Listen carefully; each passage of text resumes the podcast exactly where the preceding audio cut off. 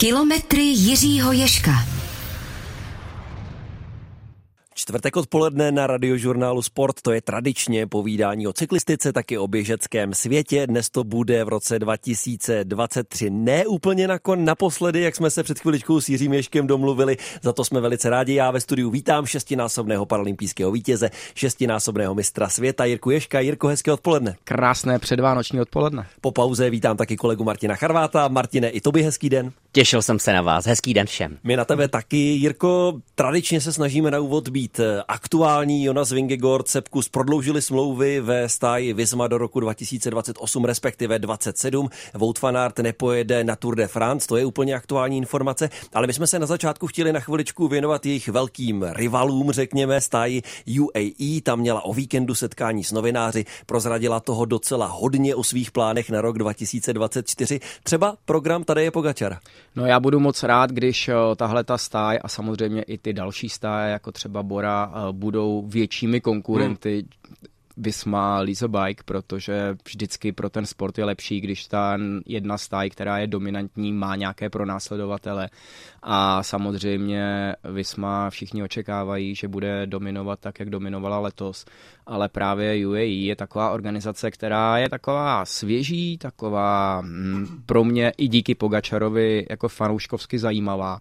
Takže já jsem rád, že tady Pogačar, který má rád výzvy, zvolil uh, tu smrtelnou kombinaci Giro Tour de France a já jsem opravdu zvědavý na to, jak to zvládne, ale věřím, že pokud uh, v té přípravě bude zdravý a nepostihne ho na začátku roku to, co ho postihlo loni, tak uh, bude, bude skvělým vyzývatelem týmu Visma Lisa Bike. No já bych se trošku vrátil k tomu, co si začal vlastně říkat. A sice, že to vypadá po té minulé sezóně na dominanci Vismy, Um, myslíš si, že se dá v cyklistice dělat konkurence, i když třeba nemáš tolik financí na to? Teď se bavme čistě o financích, protože finance vypadají, že jsou ve vysmě téměř nevyčerpatelné a ostatní týmy, zdá se, jich nemají nejspíš tolik. Na jednu stranu je to obrovsky složité, protože samozřejmě ty peníze eh, hrají roli jak v nákupu jezdců, tak i eh, v té technice, v tom zázemí. Eh, to, co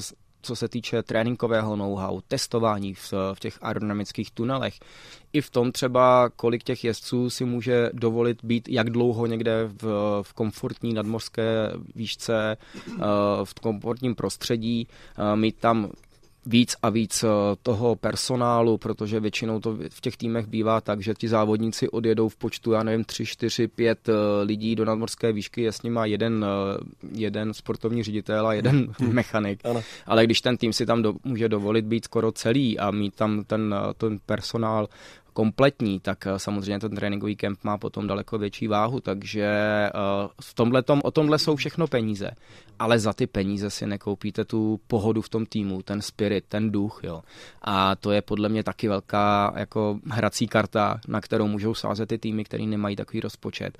A samozřejmě i tyhle týmy mají svoje fanoušky, mají svůj důvod, proč být nejlepší, proč závodit. Je to strašně těžký vyzývat tyhle ty giganty, ale může se to podařit. Máme v tom v té historii cyklistiky a nejenom cyklistiky, ale v těch sportech máme spoustu příkladů, kdy těm malým, malým goliášům se to Davidům a Goliášům se tenhle ten souboj vyvedl tak, že ten slabší vyhrál. On, no, Jirko, přesně to, co ty říkáš, tak já jsem nedávno slyšel rozhovor s jedním ze sportovních ředitelů, myslím, že to bylo stáje Bora Hansgrohe. On přesně tohle říkal. Potkali jsme na vysokohorském soustředění tým ještě Jumbo Visma. My jsme tam před Grand Tour měli sedm jezdců a tři mechaniky. Oni přijeli ve 12 a mechaniků měli 12. A to potom prostě se všechno nasčítá. Na druhou stranu já bych malinko Martine oponoval, ty jsi říkal, že Jumbo Visma nebo Visma Lease Bike od nové sezóny je ten nejbohatší klub, eh, tým, tedy promiňte. Já myslím, že s Ineosem a s UAE si zas tak moc vyčítat nemají co. Já si myslím, že tyhle tři týmy jsou odstřelené. Souhlasím, souhlasím. Na druhou stranu eh, to, jak se celá ta sezona vyvinula, hmm. tak mi přijde, že i s novým sponzorem eh, ve Vismě zkrátka nebude nouze. Že tam to asi ne, bude. já si myslím, že nebudou třít, eh, třít bídu s nouzí, hmm. to určitě tam peníze problém nejsou. My jsme tu i v minulém eh, vlastně díle s Jirkou rozebírali ten případ Kiana Ujdebruxy a to jsem taky slyšel už od mnoha profíků i současných i bývalých, že třeba prostě ta atmosféra, a je to logické vzhledem k tomu, co Jumbo Vismaloni vyhrála, že tam eh, prostě talenty jdou, i když tam třeba dostanou těch peněz míň, protože ta aura toho klubu je, a to si člověk umí představit i v jiných sportech. Prostě vy chcete jít tam, kde se vyhrává. Přesně tohle to bylo před nějakými, já nevím, deseti, osmi lety Ineos, hmm. nebo tehdy Team Sky, tak to byl tým, který prostě lákal ty mladé talentované závodníky už jenom kvůli tomu, že chtěli být součástí té infrastruktury. A kdyby to bylo možné, tak určitě by tam jezdili i zadarmo jenom za dresy, protože eh, to je škola, kterou vám jako žádný jiný tým nedá. A mm, myslím si, že právě v tomhle tom eh, i hrála eh, roli to zvažování toho Kiana Ujdebruxe, hmm. kam, kam teda půjde. A navíc zase samozřejmě ta silná manažerská zkušenost těch toho, té infrastruktury právě ve Vysmě, tak je i něco, co působí jako bezpečí pro ty závodníky, že oni vědí, že se o ně postará právě takhle silný mm. tým. Eh, ten majitel, ty sportovní ředitele a tak dále, ten, ten manažer hlavní. A tohle to je něco, co třeba pro každého mladého sportovce je obrovská mm, jako karta, kterou chce hrát, protože do začátku vy potřebujete načerpat co nejvíc zkušeností. A ti mladí závodníci tohle to dostanou. A navíc, pokud jsou tam eh, špičkoví lídři, kteří eh, jsou tam právě kvůli tomu, aby doručovali ty vítězství v těch důležitých závodech, tak na ty mladé není takový hmm. tlak. A oni mají možnost se tam jeden, dva roky rozkoukávat. Jako to bylo třeba v, v týmu Quickstep mm-hmm. Decanic, kde Remco Evenpool dostal prostě několik eh, sezon takové hájení a mohl ten svůj talent rozvíjet. No, tak když už jsme se dostali k Vismě od Pogačara, tak zůstaňme u Vismy a pak se vrátíme k Pogačarovi. Uh, a nové podpisy do roku 2028, ve chvíli, kdy nám končí 23. To znamená, že eh, čtyřleté prodloužení nebo čtyřleté období hmm. je eh, pro ty jezdce jistotou.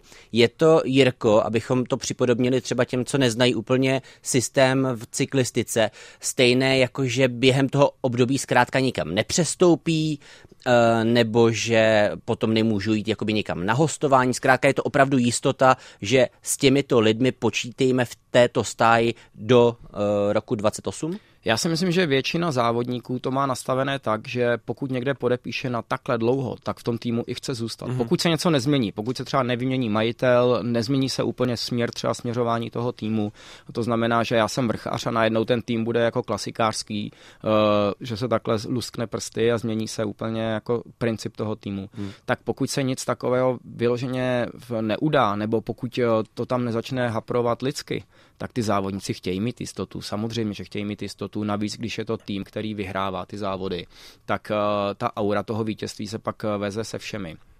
Takže já si myslím, že tohle to asi, eh, pokud eh, nastane nic neočekávaného, tak ty závodníky tam uvidíme.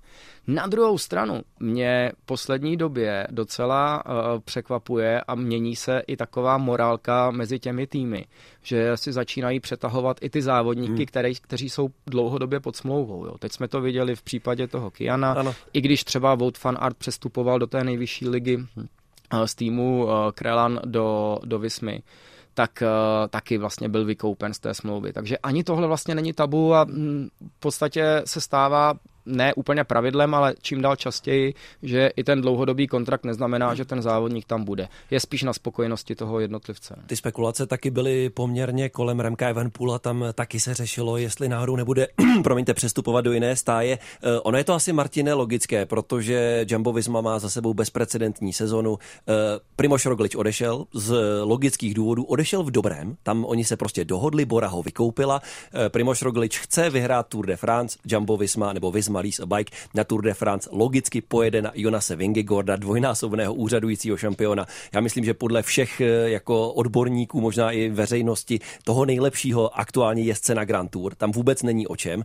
Sepkus, fantastická sezona, objel všechny tři Grand Tour, neocenitelný pomocník do hor. Navíc tu Vueltu sám vyhrál. Je docela logické, že tyhle dva jezdce si oni chtějí, eh, že si je chtějí pojistit proto ty dlouholeté smlouvy. No a teď je to na těch zbývajících týmech, aby se pokusili tu nadvládu absolutní na Grand Tour prostě příští rok změnit.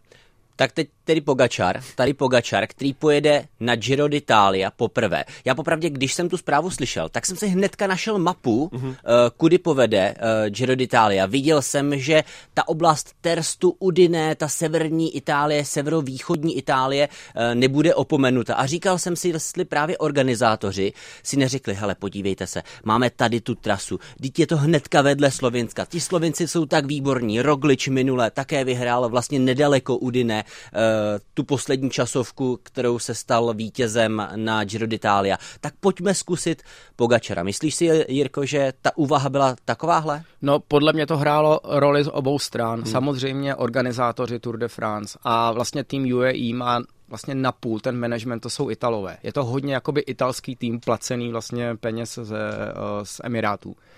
Takže eh, ta domluva s těmi organizátory je tam ještě důležitější vlastně a podle mě to hraje roli. Na druhou stranu si myslím, že i eh, tady Pogačar sám potřeboval nějakou výzvu.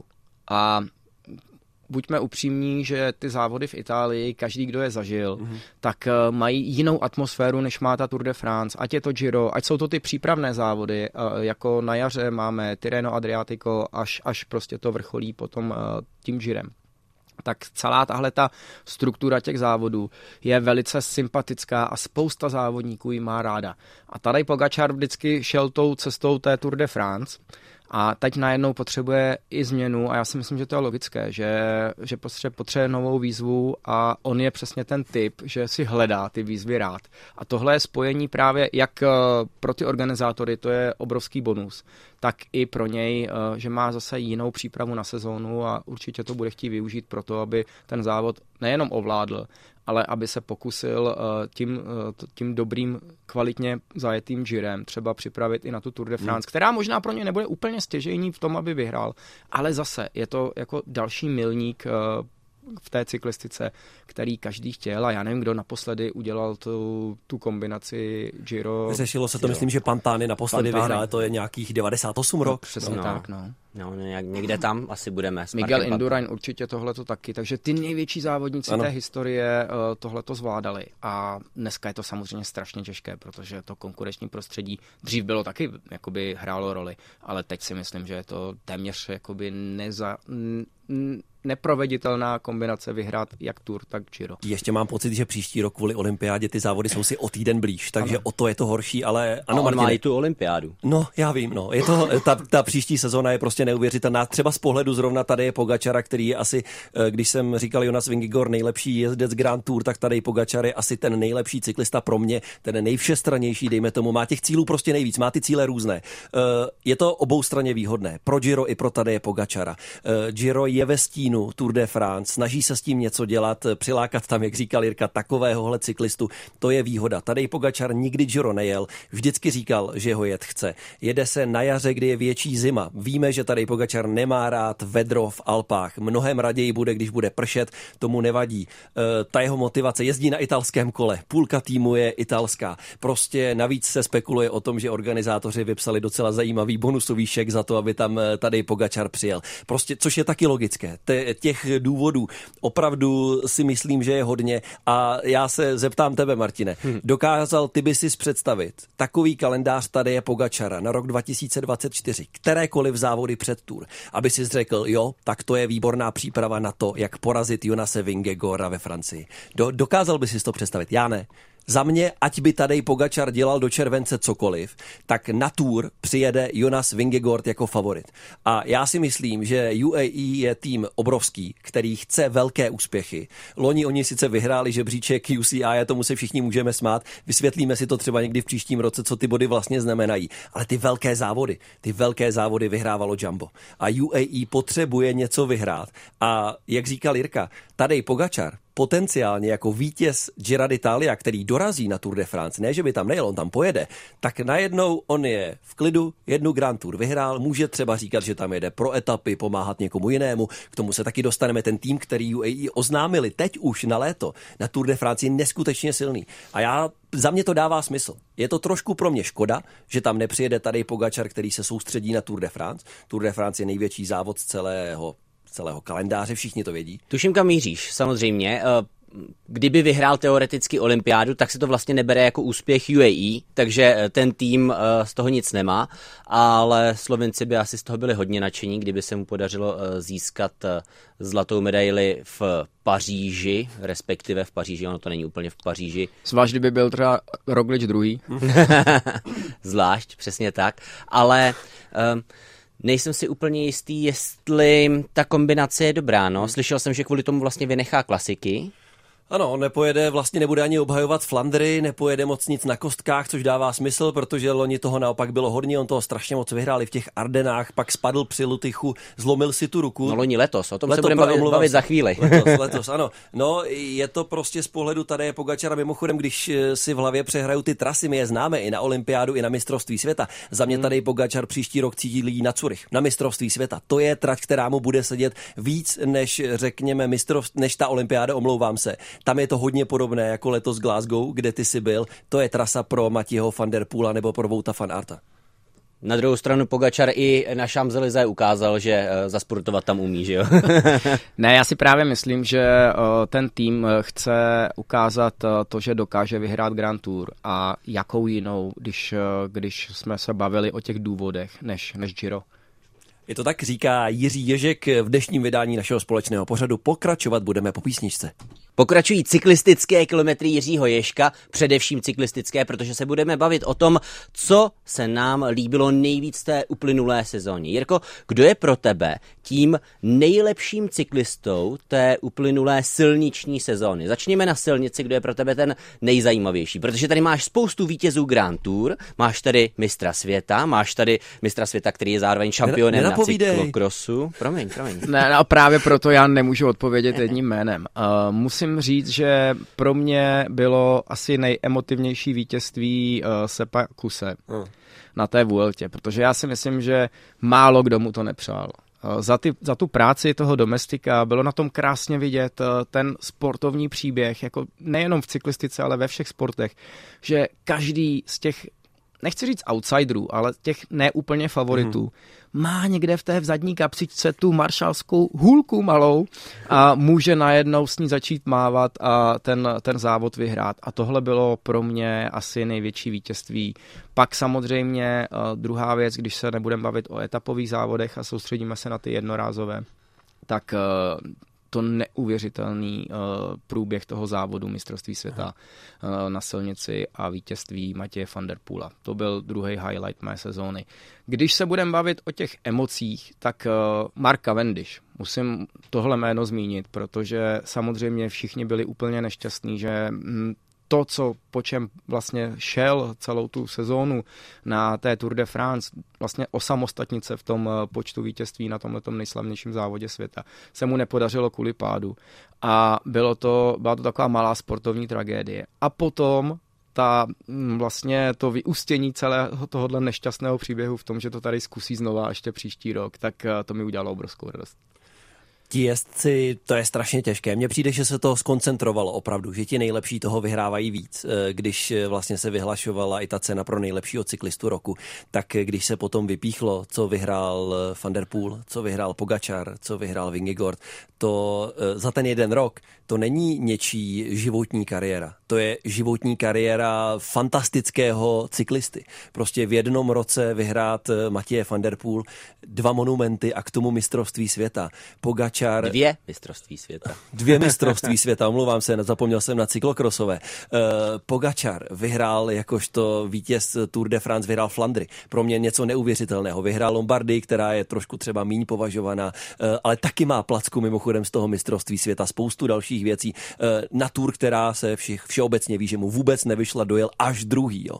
To je prostě to a Jonas Vingegaard, to, co předvedl na, na, na Tour de France, je absolutně neuvěřitelné na tu časovku já si do smrti nezapomenu.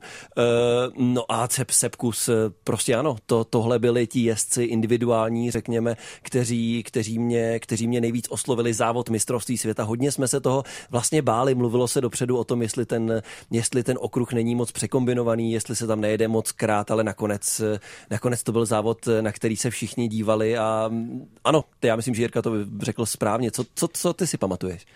Já si popravdě nejvíc pamatuju to, na čem jsem byl, takže to je takové logické, takže v tomhle případě je to mistrovství světa, když jsem se tam podíval v Glasgow v tom typicky skotském počasí, kde se podíváš ulicí, vidíš před sebe třeba čtyři bloky. Jeden blok sucho, druhý blok prší, v dalším bloku zase sucho a v tom čtvrtém je zase mrak a znovu tam prší mm. a cyklisté se mezi tím proplétají levá, pravá a chvilku vědou do naprostého liáku a potom na úplně suchou vozovku. Tak to bylo opravdu neskutečně působivé. Předpokládám, že pro tebe nejvíc asi ta Lombardie z osobního zážitku. Je to tak, protože jsem tam byl, ale na druhou stranu já jako si to umím jako fanoušek užít i u té televize. A já vlastně, když jsem si mm, říkal, že bychom se tomuhle mohli věnovat, tak já jsem se snažil si vzpomenout, co mě jako i emocionálně třeba zaujalo. A v Lombardii se loučil Thibaut Pino, ale on vlastně se loučil i na Tour de France a na, v té etapě, kdy on, to bylo ještě u něj doma ve Vogézách, kdy on na chviličku odjel a chviličku, chviličku to vypadalo, že by tu etapu dokonce mohl vyhrát a jel přes ten svůj kopec a tam prostě byly ty tisíce lidí, tak to i přes, i to, přes to, že jsem tam nebyl na místě, to pro mě byla jedna z nejemotivnějších věcí, kterou si za, ten, za tu sezónu pamatuju. Eh, Geraint Thomas rozjel Cavendish Cavendishovi v té poslední etapě na Giro rozjel ten spurt, který Cavendish vyhrál. Staří kamarádi, kteří se znají z British Cycling, před 20 lety spolu začínali. Uh, Geraint Thomas, který vlastně v té etapě předtím ztratil Giro. On vedl v té, uh, v té časovce uh, to je jedno. A třetí věc, kterou chci ještě říct, eh, Matej Mohorič na Tour de France a ten jeho rozhovor, to tady musím zmínit. To je za mě sportovní rozhovor roku. Eh, já jsem neměl čas eh, to nadabovat a připravit tady pro naše posluchače. Jestli rozumíte aspoň trošku anglicky a jestli jste to pořád ještě neslyšeli,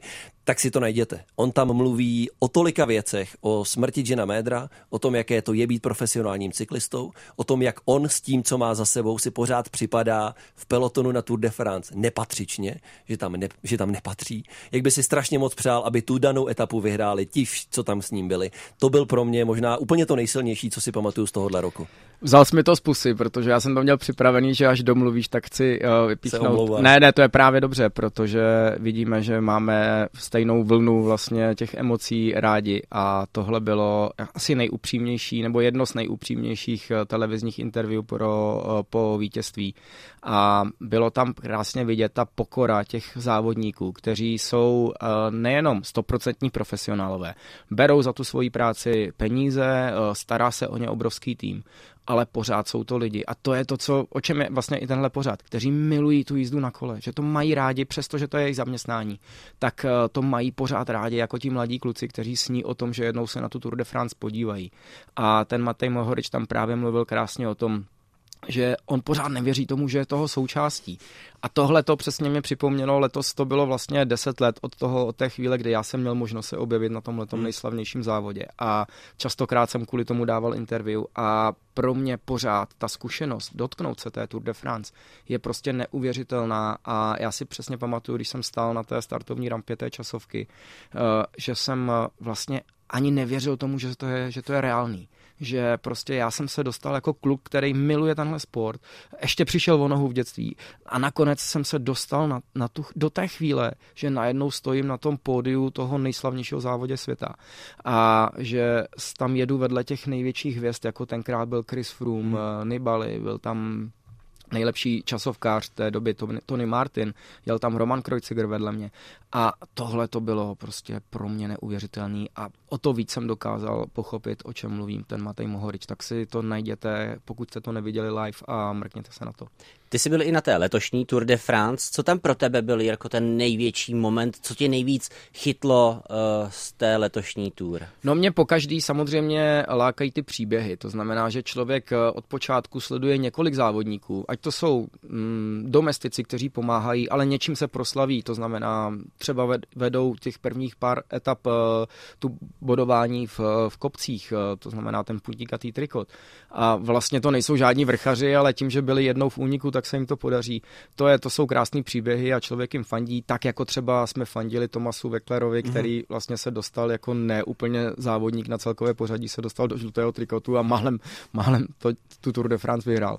A tohle to jsou příběhy, které se mě obrovsky dotýkají. Na druhou stranu já tam vždycky jedu strašně rád, protože tam potkám uh, závodníky, se kterými jsem já závodil a prožil jsem s nima několik sezón, nebo uh, jsme se někde míjeli v, v týmech a oni stále závodí, nebo naopak pra, pracují pro televize, pracují pro jednotlivé týmy. A pro mě to je vždycky svatých několik dnů, že se tam projdu a sou, jsem, jsem zase součástí té nejvyšší ligy cyklistiky, tak to je pro mě vždycky radost.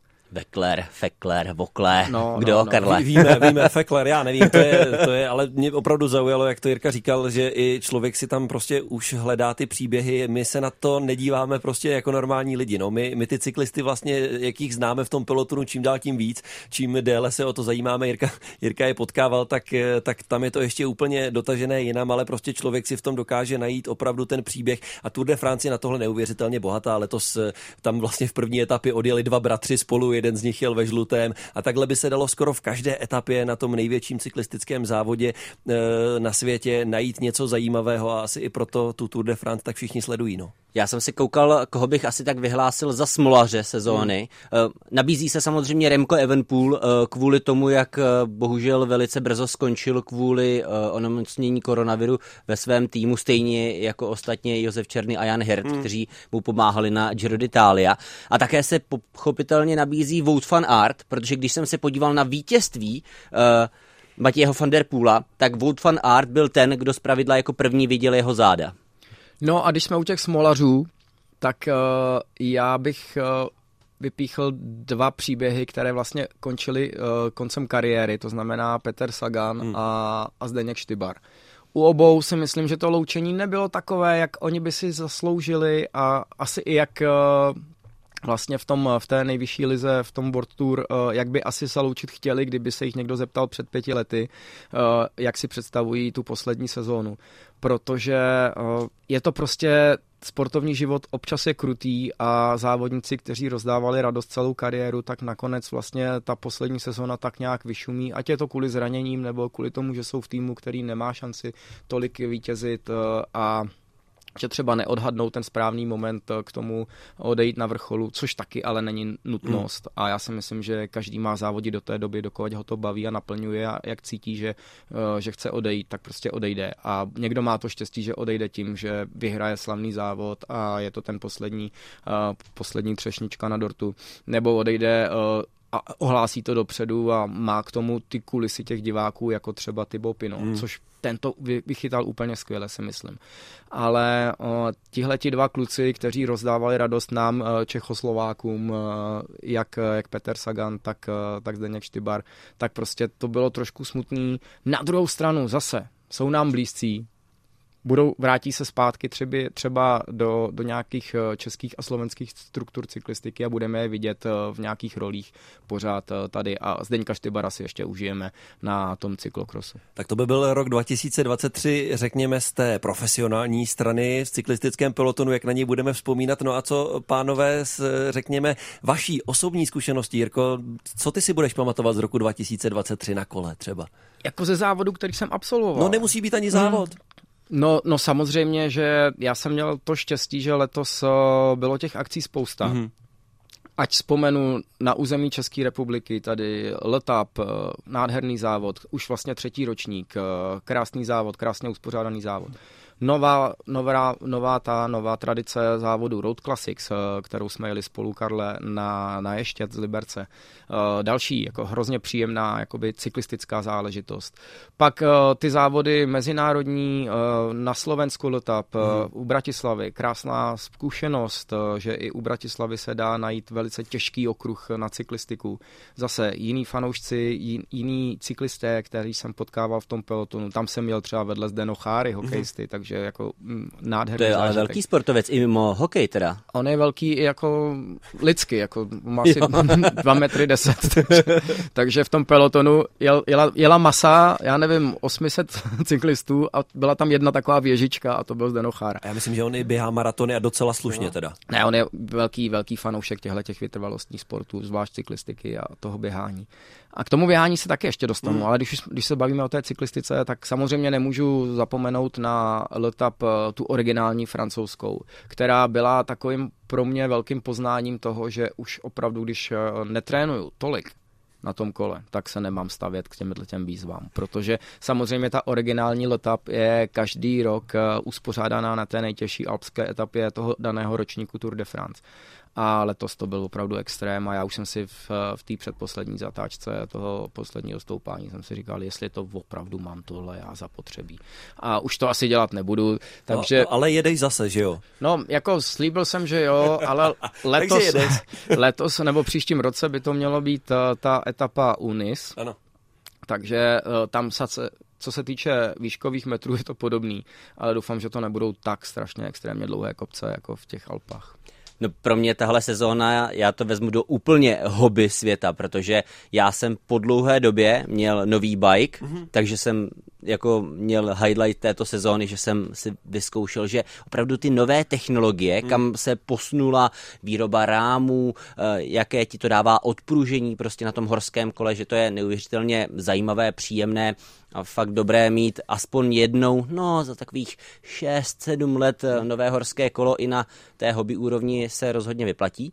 A potom druhá věc, že jsem si vyzkoušel eh, dát si třeba 70 eh, kilometrů na silničce, mm-hmm. protože je to pro mě vlastně takový trochu nepoznaný svět. Jsem tady s vámi trochu uh, takový amatér, uh, co se týče uh, silničního kola, ale je to opravdu nesmírně zajímavé poznat všechny ty věci, které uh, snáší cyklista v tom vlastně nejrychlejším, když pomineme dráhu nejrychlejším cyklistickém sportu. Hmm.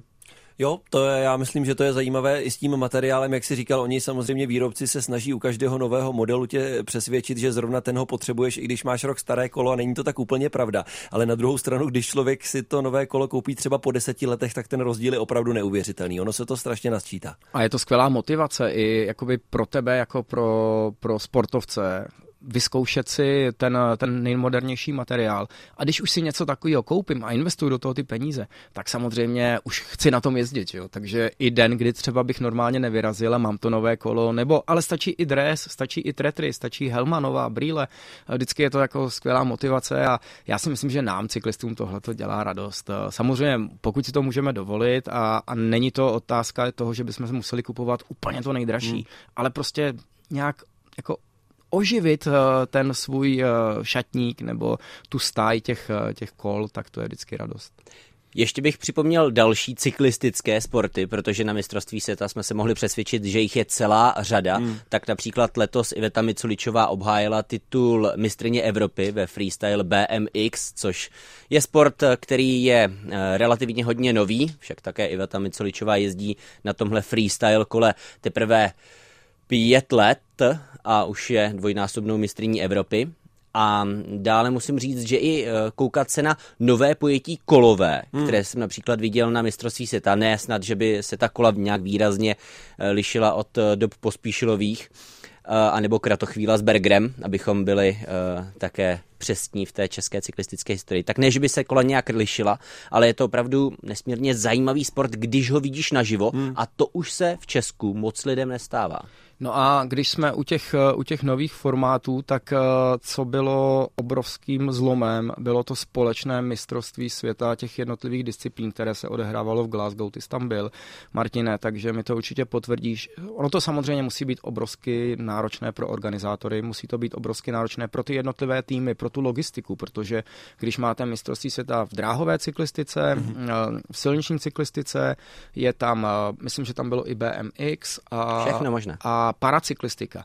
A zvlášť u té se chci zastavit, protože pro mě, jakoby pro toho, kdo vzešel z té paracyklistiky, tak mít šanci pro ty závodníky v jeden den soutěžit třeba na dráze ve stejném programu, kdy před váma jede Keirin, ve kterém bojují Harry Lavreysen a ti nejlepší závodníci světa, ty ikony sportovní a hned na to se jede stíhačka lidí, kteří mají třeba podkolení amputaci, jako jsem měl já.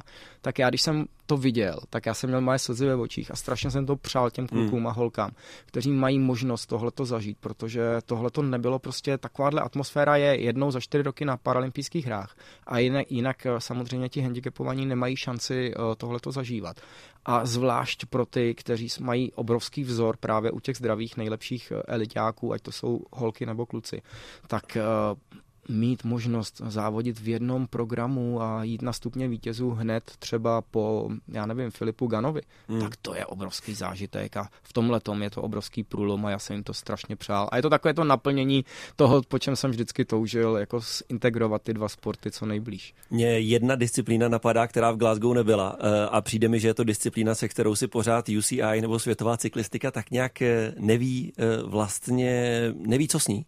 A to je gravel. Mistrovství světa se konalo v době, kdy se jela Lombardie na severu Itálie, velmi nedaleko. Mezi muži vyhrál už zmiňovaný Matěj Mohorič, mezi ženami Kasia Nevědoma. E, to pro fanoušky silniční cyklistiky jsou opravdu známá jména. To je prostě to jsou lidé, kteří vyhrávají na silnici. A přijde mi, že je docela zvláštní, že ten gravel pořád se o něm mluví, že nastupuje, že se zvedá těch kol, asi se prodává hodně, ale že vlastně je zajímavé, že na té soutěžní úrovni pořád, e, ano, možná to krůčky se zlepšuje, ale že pořád vlastně jakoby ten cyklistický svět si tak úplně nevěděl rady, co s touhle disciplínou disciplínou? No, já se s tím popravdě také nevím hmm. moc úplně rady, protože vlastně kam ji zařadit, když ti na ní jezdí uh, lidé jako Matej Mohorič a uh, snaží se ti jakoby ti závodníci typu Vanderpoola, Pitcocka, Sagana dostat na horská kola, tak to trochu působí, jako kdyby se lehonce upravilo kolo z mého pohledu, hmm. ale vlastně tam furt byli ti samí, kteří dostanou více příležitostí. Navíc, když se ti Greville ještě dostává na Tour de France, tak nějak mi přijde, jakoby, že se nesnaží získat vlastní prostor, ale do něčeho dalšího se jakoby vložit trochu. Tohle možná, ano, samozřejmě jako z toho pohledu diváckého to tak je, nebo i pro tebe jako pro žurnalistu je to, je to samozřejmě jako otázka. Na druhou stranu já se chci zastat jakoby toho grevlu jako té disciplíny v tom, že je to obrovská příležitost pro ty, kteří třeba milují silniční kolo, ale ve svých zemích nebo tam, kde bydlí, mají obrovskou komplikaci eh, s provozem nebo se necítí komfortně mezi auty a jezd, ale, ale mají tam možnost uh, těch polních cest. Typický příklad jsou Spojené státy, kde přece jenom je obrovsky těžké jezdit na silničním kole, protože ti řidiči a vůbec ta infrastruktura a to povědomí o cyklistice tam není pořád velký, hlavně v některých státech. A pro ty závodníky je jednodušší prostě vyjet na ty gravelové cesty, Bavil jsem se o tom uh, s Kateřinou Neš a říkala, mm. že je to tam obrovský fenomen. A pro tuhle tu hobby, jakoby základnu, je samozřejmě důležité, aby taky měli kde závodit. A když se budou dělat v Evropě, zvlášť pro ty Američany, ta Evropa je i jako destinace výletů, tak když se tam budou dělat eh, závody typu mistrovství světa, které je vlastně otevřené většině lidí, kteří se tam můžou nějakým způsobem nominovat z těch eh, lokálních domácích závodů, a budou mít možnost na tom startu stát přesně vedle Mateje Mohoriče nebo Petra Sagana nebo Matěje van der Poola nebo prostě ty lidi Vouta fan Arta, kteří startují v těchto těch disciplínách, tak je to obrovské lákadlo. A zase pro ty závodníky, zvlášť pro ty bejvalé závodníky ze silnice, je to možnost si nějakým způsobem eh, prodloužit tu kariéru, já jsem nedávno četl hezký článek v El País o Alejandru Valverdem, který vlastně skončil kariéru. To je neuvěřitelný člověk. Jezdí pořád téměř ty stejné objemy uh-huh. a on byl extrémně, on, on jezdil téměř 40 tisíc ročně. A on to jezdí pořád, i když vlastně nemusí, protože ho to baví, protože prostě miluje cyklistiku.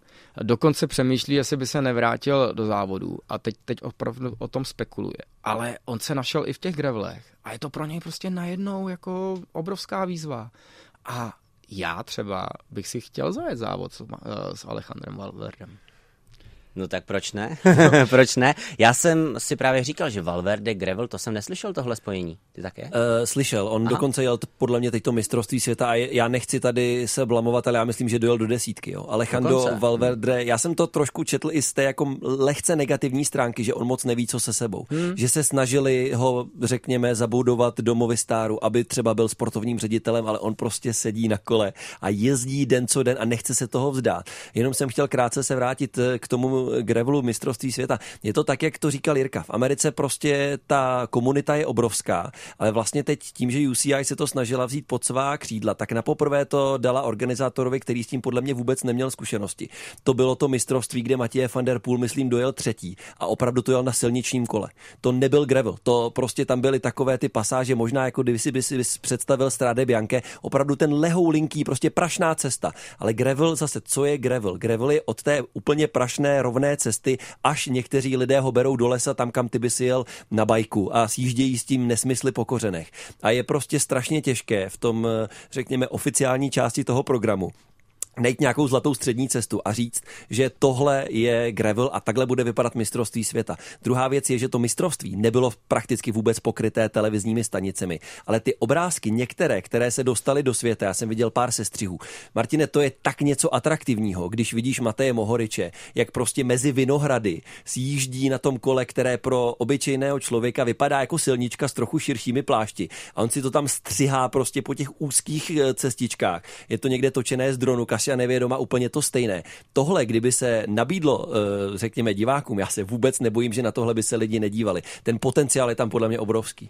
Já si dovedu představit, eh, že jednou tahle disciplína bude srovnatelná třeba s horskými koly jakoby s tím cross country. A když to dostane přesně tu podporu televizí, dostane to podporu i třeba nějakého silného partnera, který zaštítí nějaký seriál několika, dejme tomu, světových pohárů nebo prostě nějakých významných monumentů právě v těch grevlech.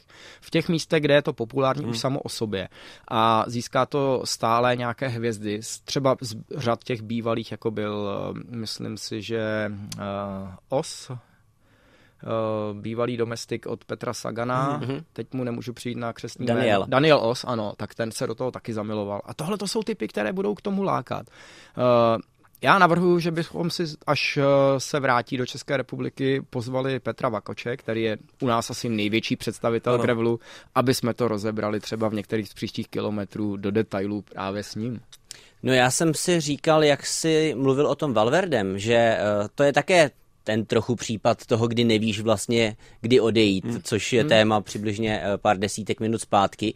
A zároveň jsem si říkal, když si předtím ještě mluvil o Štybarovi, eh, o Saganovi, jestli týmy a ti závodníci vědí, jak využít ty zkušenosti po tom, co skončíš tu kariéru a čím vlastně oni můžou pomoci. Ty by si představoval, že uh, dejme tomu Zdeněk Štyvar povede eh, Český svaz cyklistiky. Jestli to je místo, kde on může pomoci, anebo jestli je to spíše manažerská role hmm. a chtěl by si Štybara jako člověka, který povede svůj vlastní tým, jako šéf trenéra reprezentace. Kde si myslíš, že takový člověk vlastně může po konci té své kariéry, krátce po tom konci, být eh, ideálně nejprospěšnější, aby pomohl? Tak ty největší hvězdy jsou častokrát tím, že i třeba vydělali hodně peněz, tak mají svoje týmy, které třeba i částečně zainvestují, mm-hmm. typu Ivan Baso, Alejandro Contador, který mají spolu jeden velký tým a zároveň třeba i ve volném čase hodně třeba propagují tu cyklistiku v televizi, to znamená, mm. že působí jako komentátoři, to je skvělá role.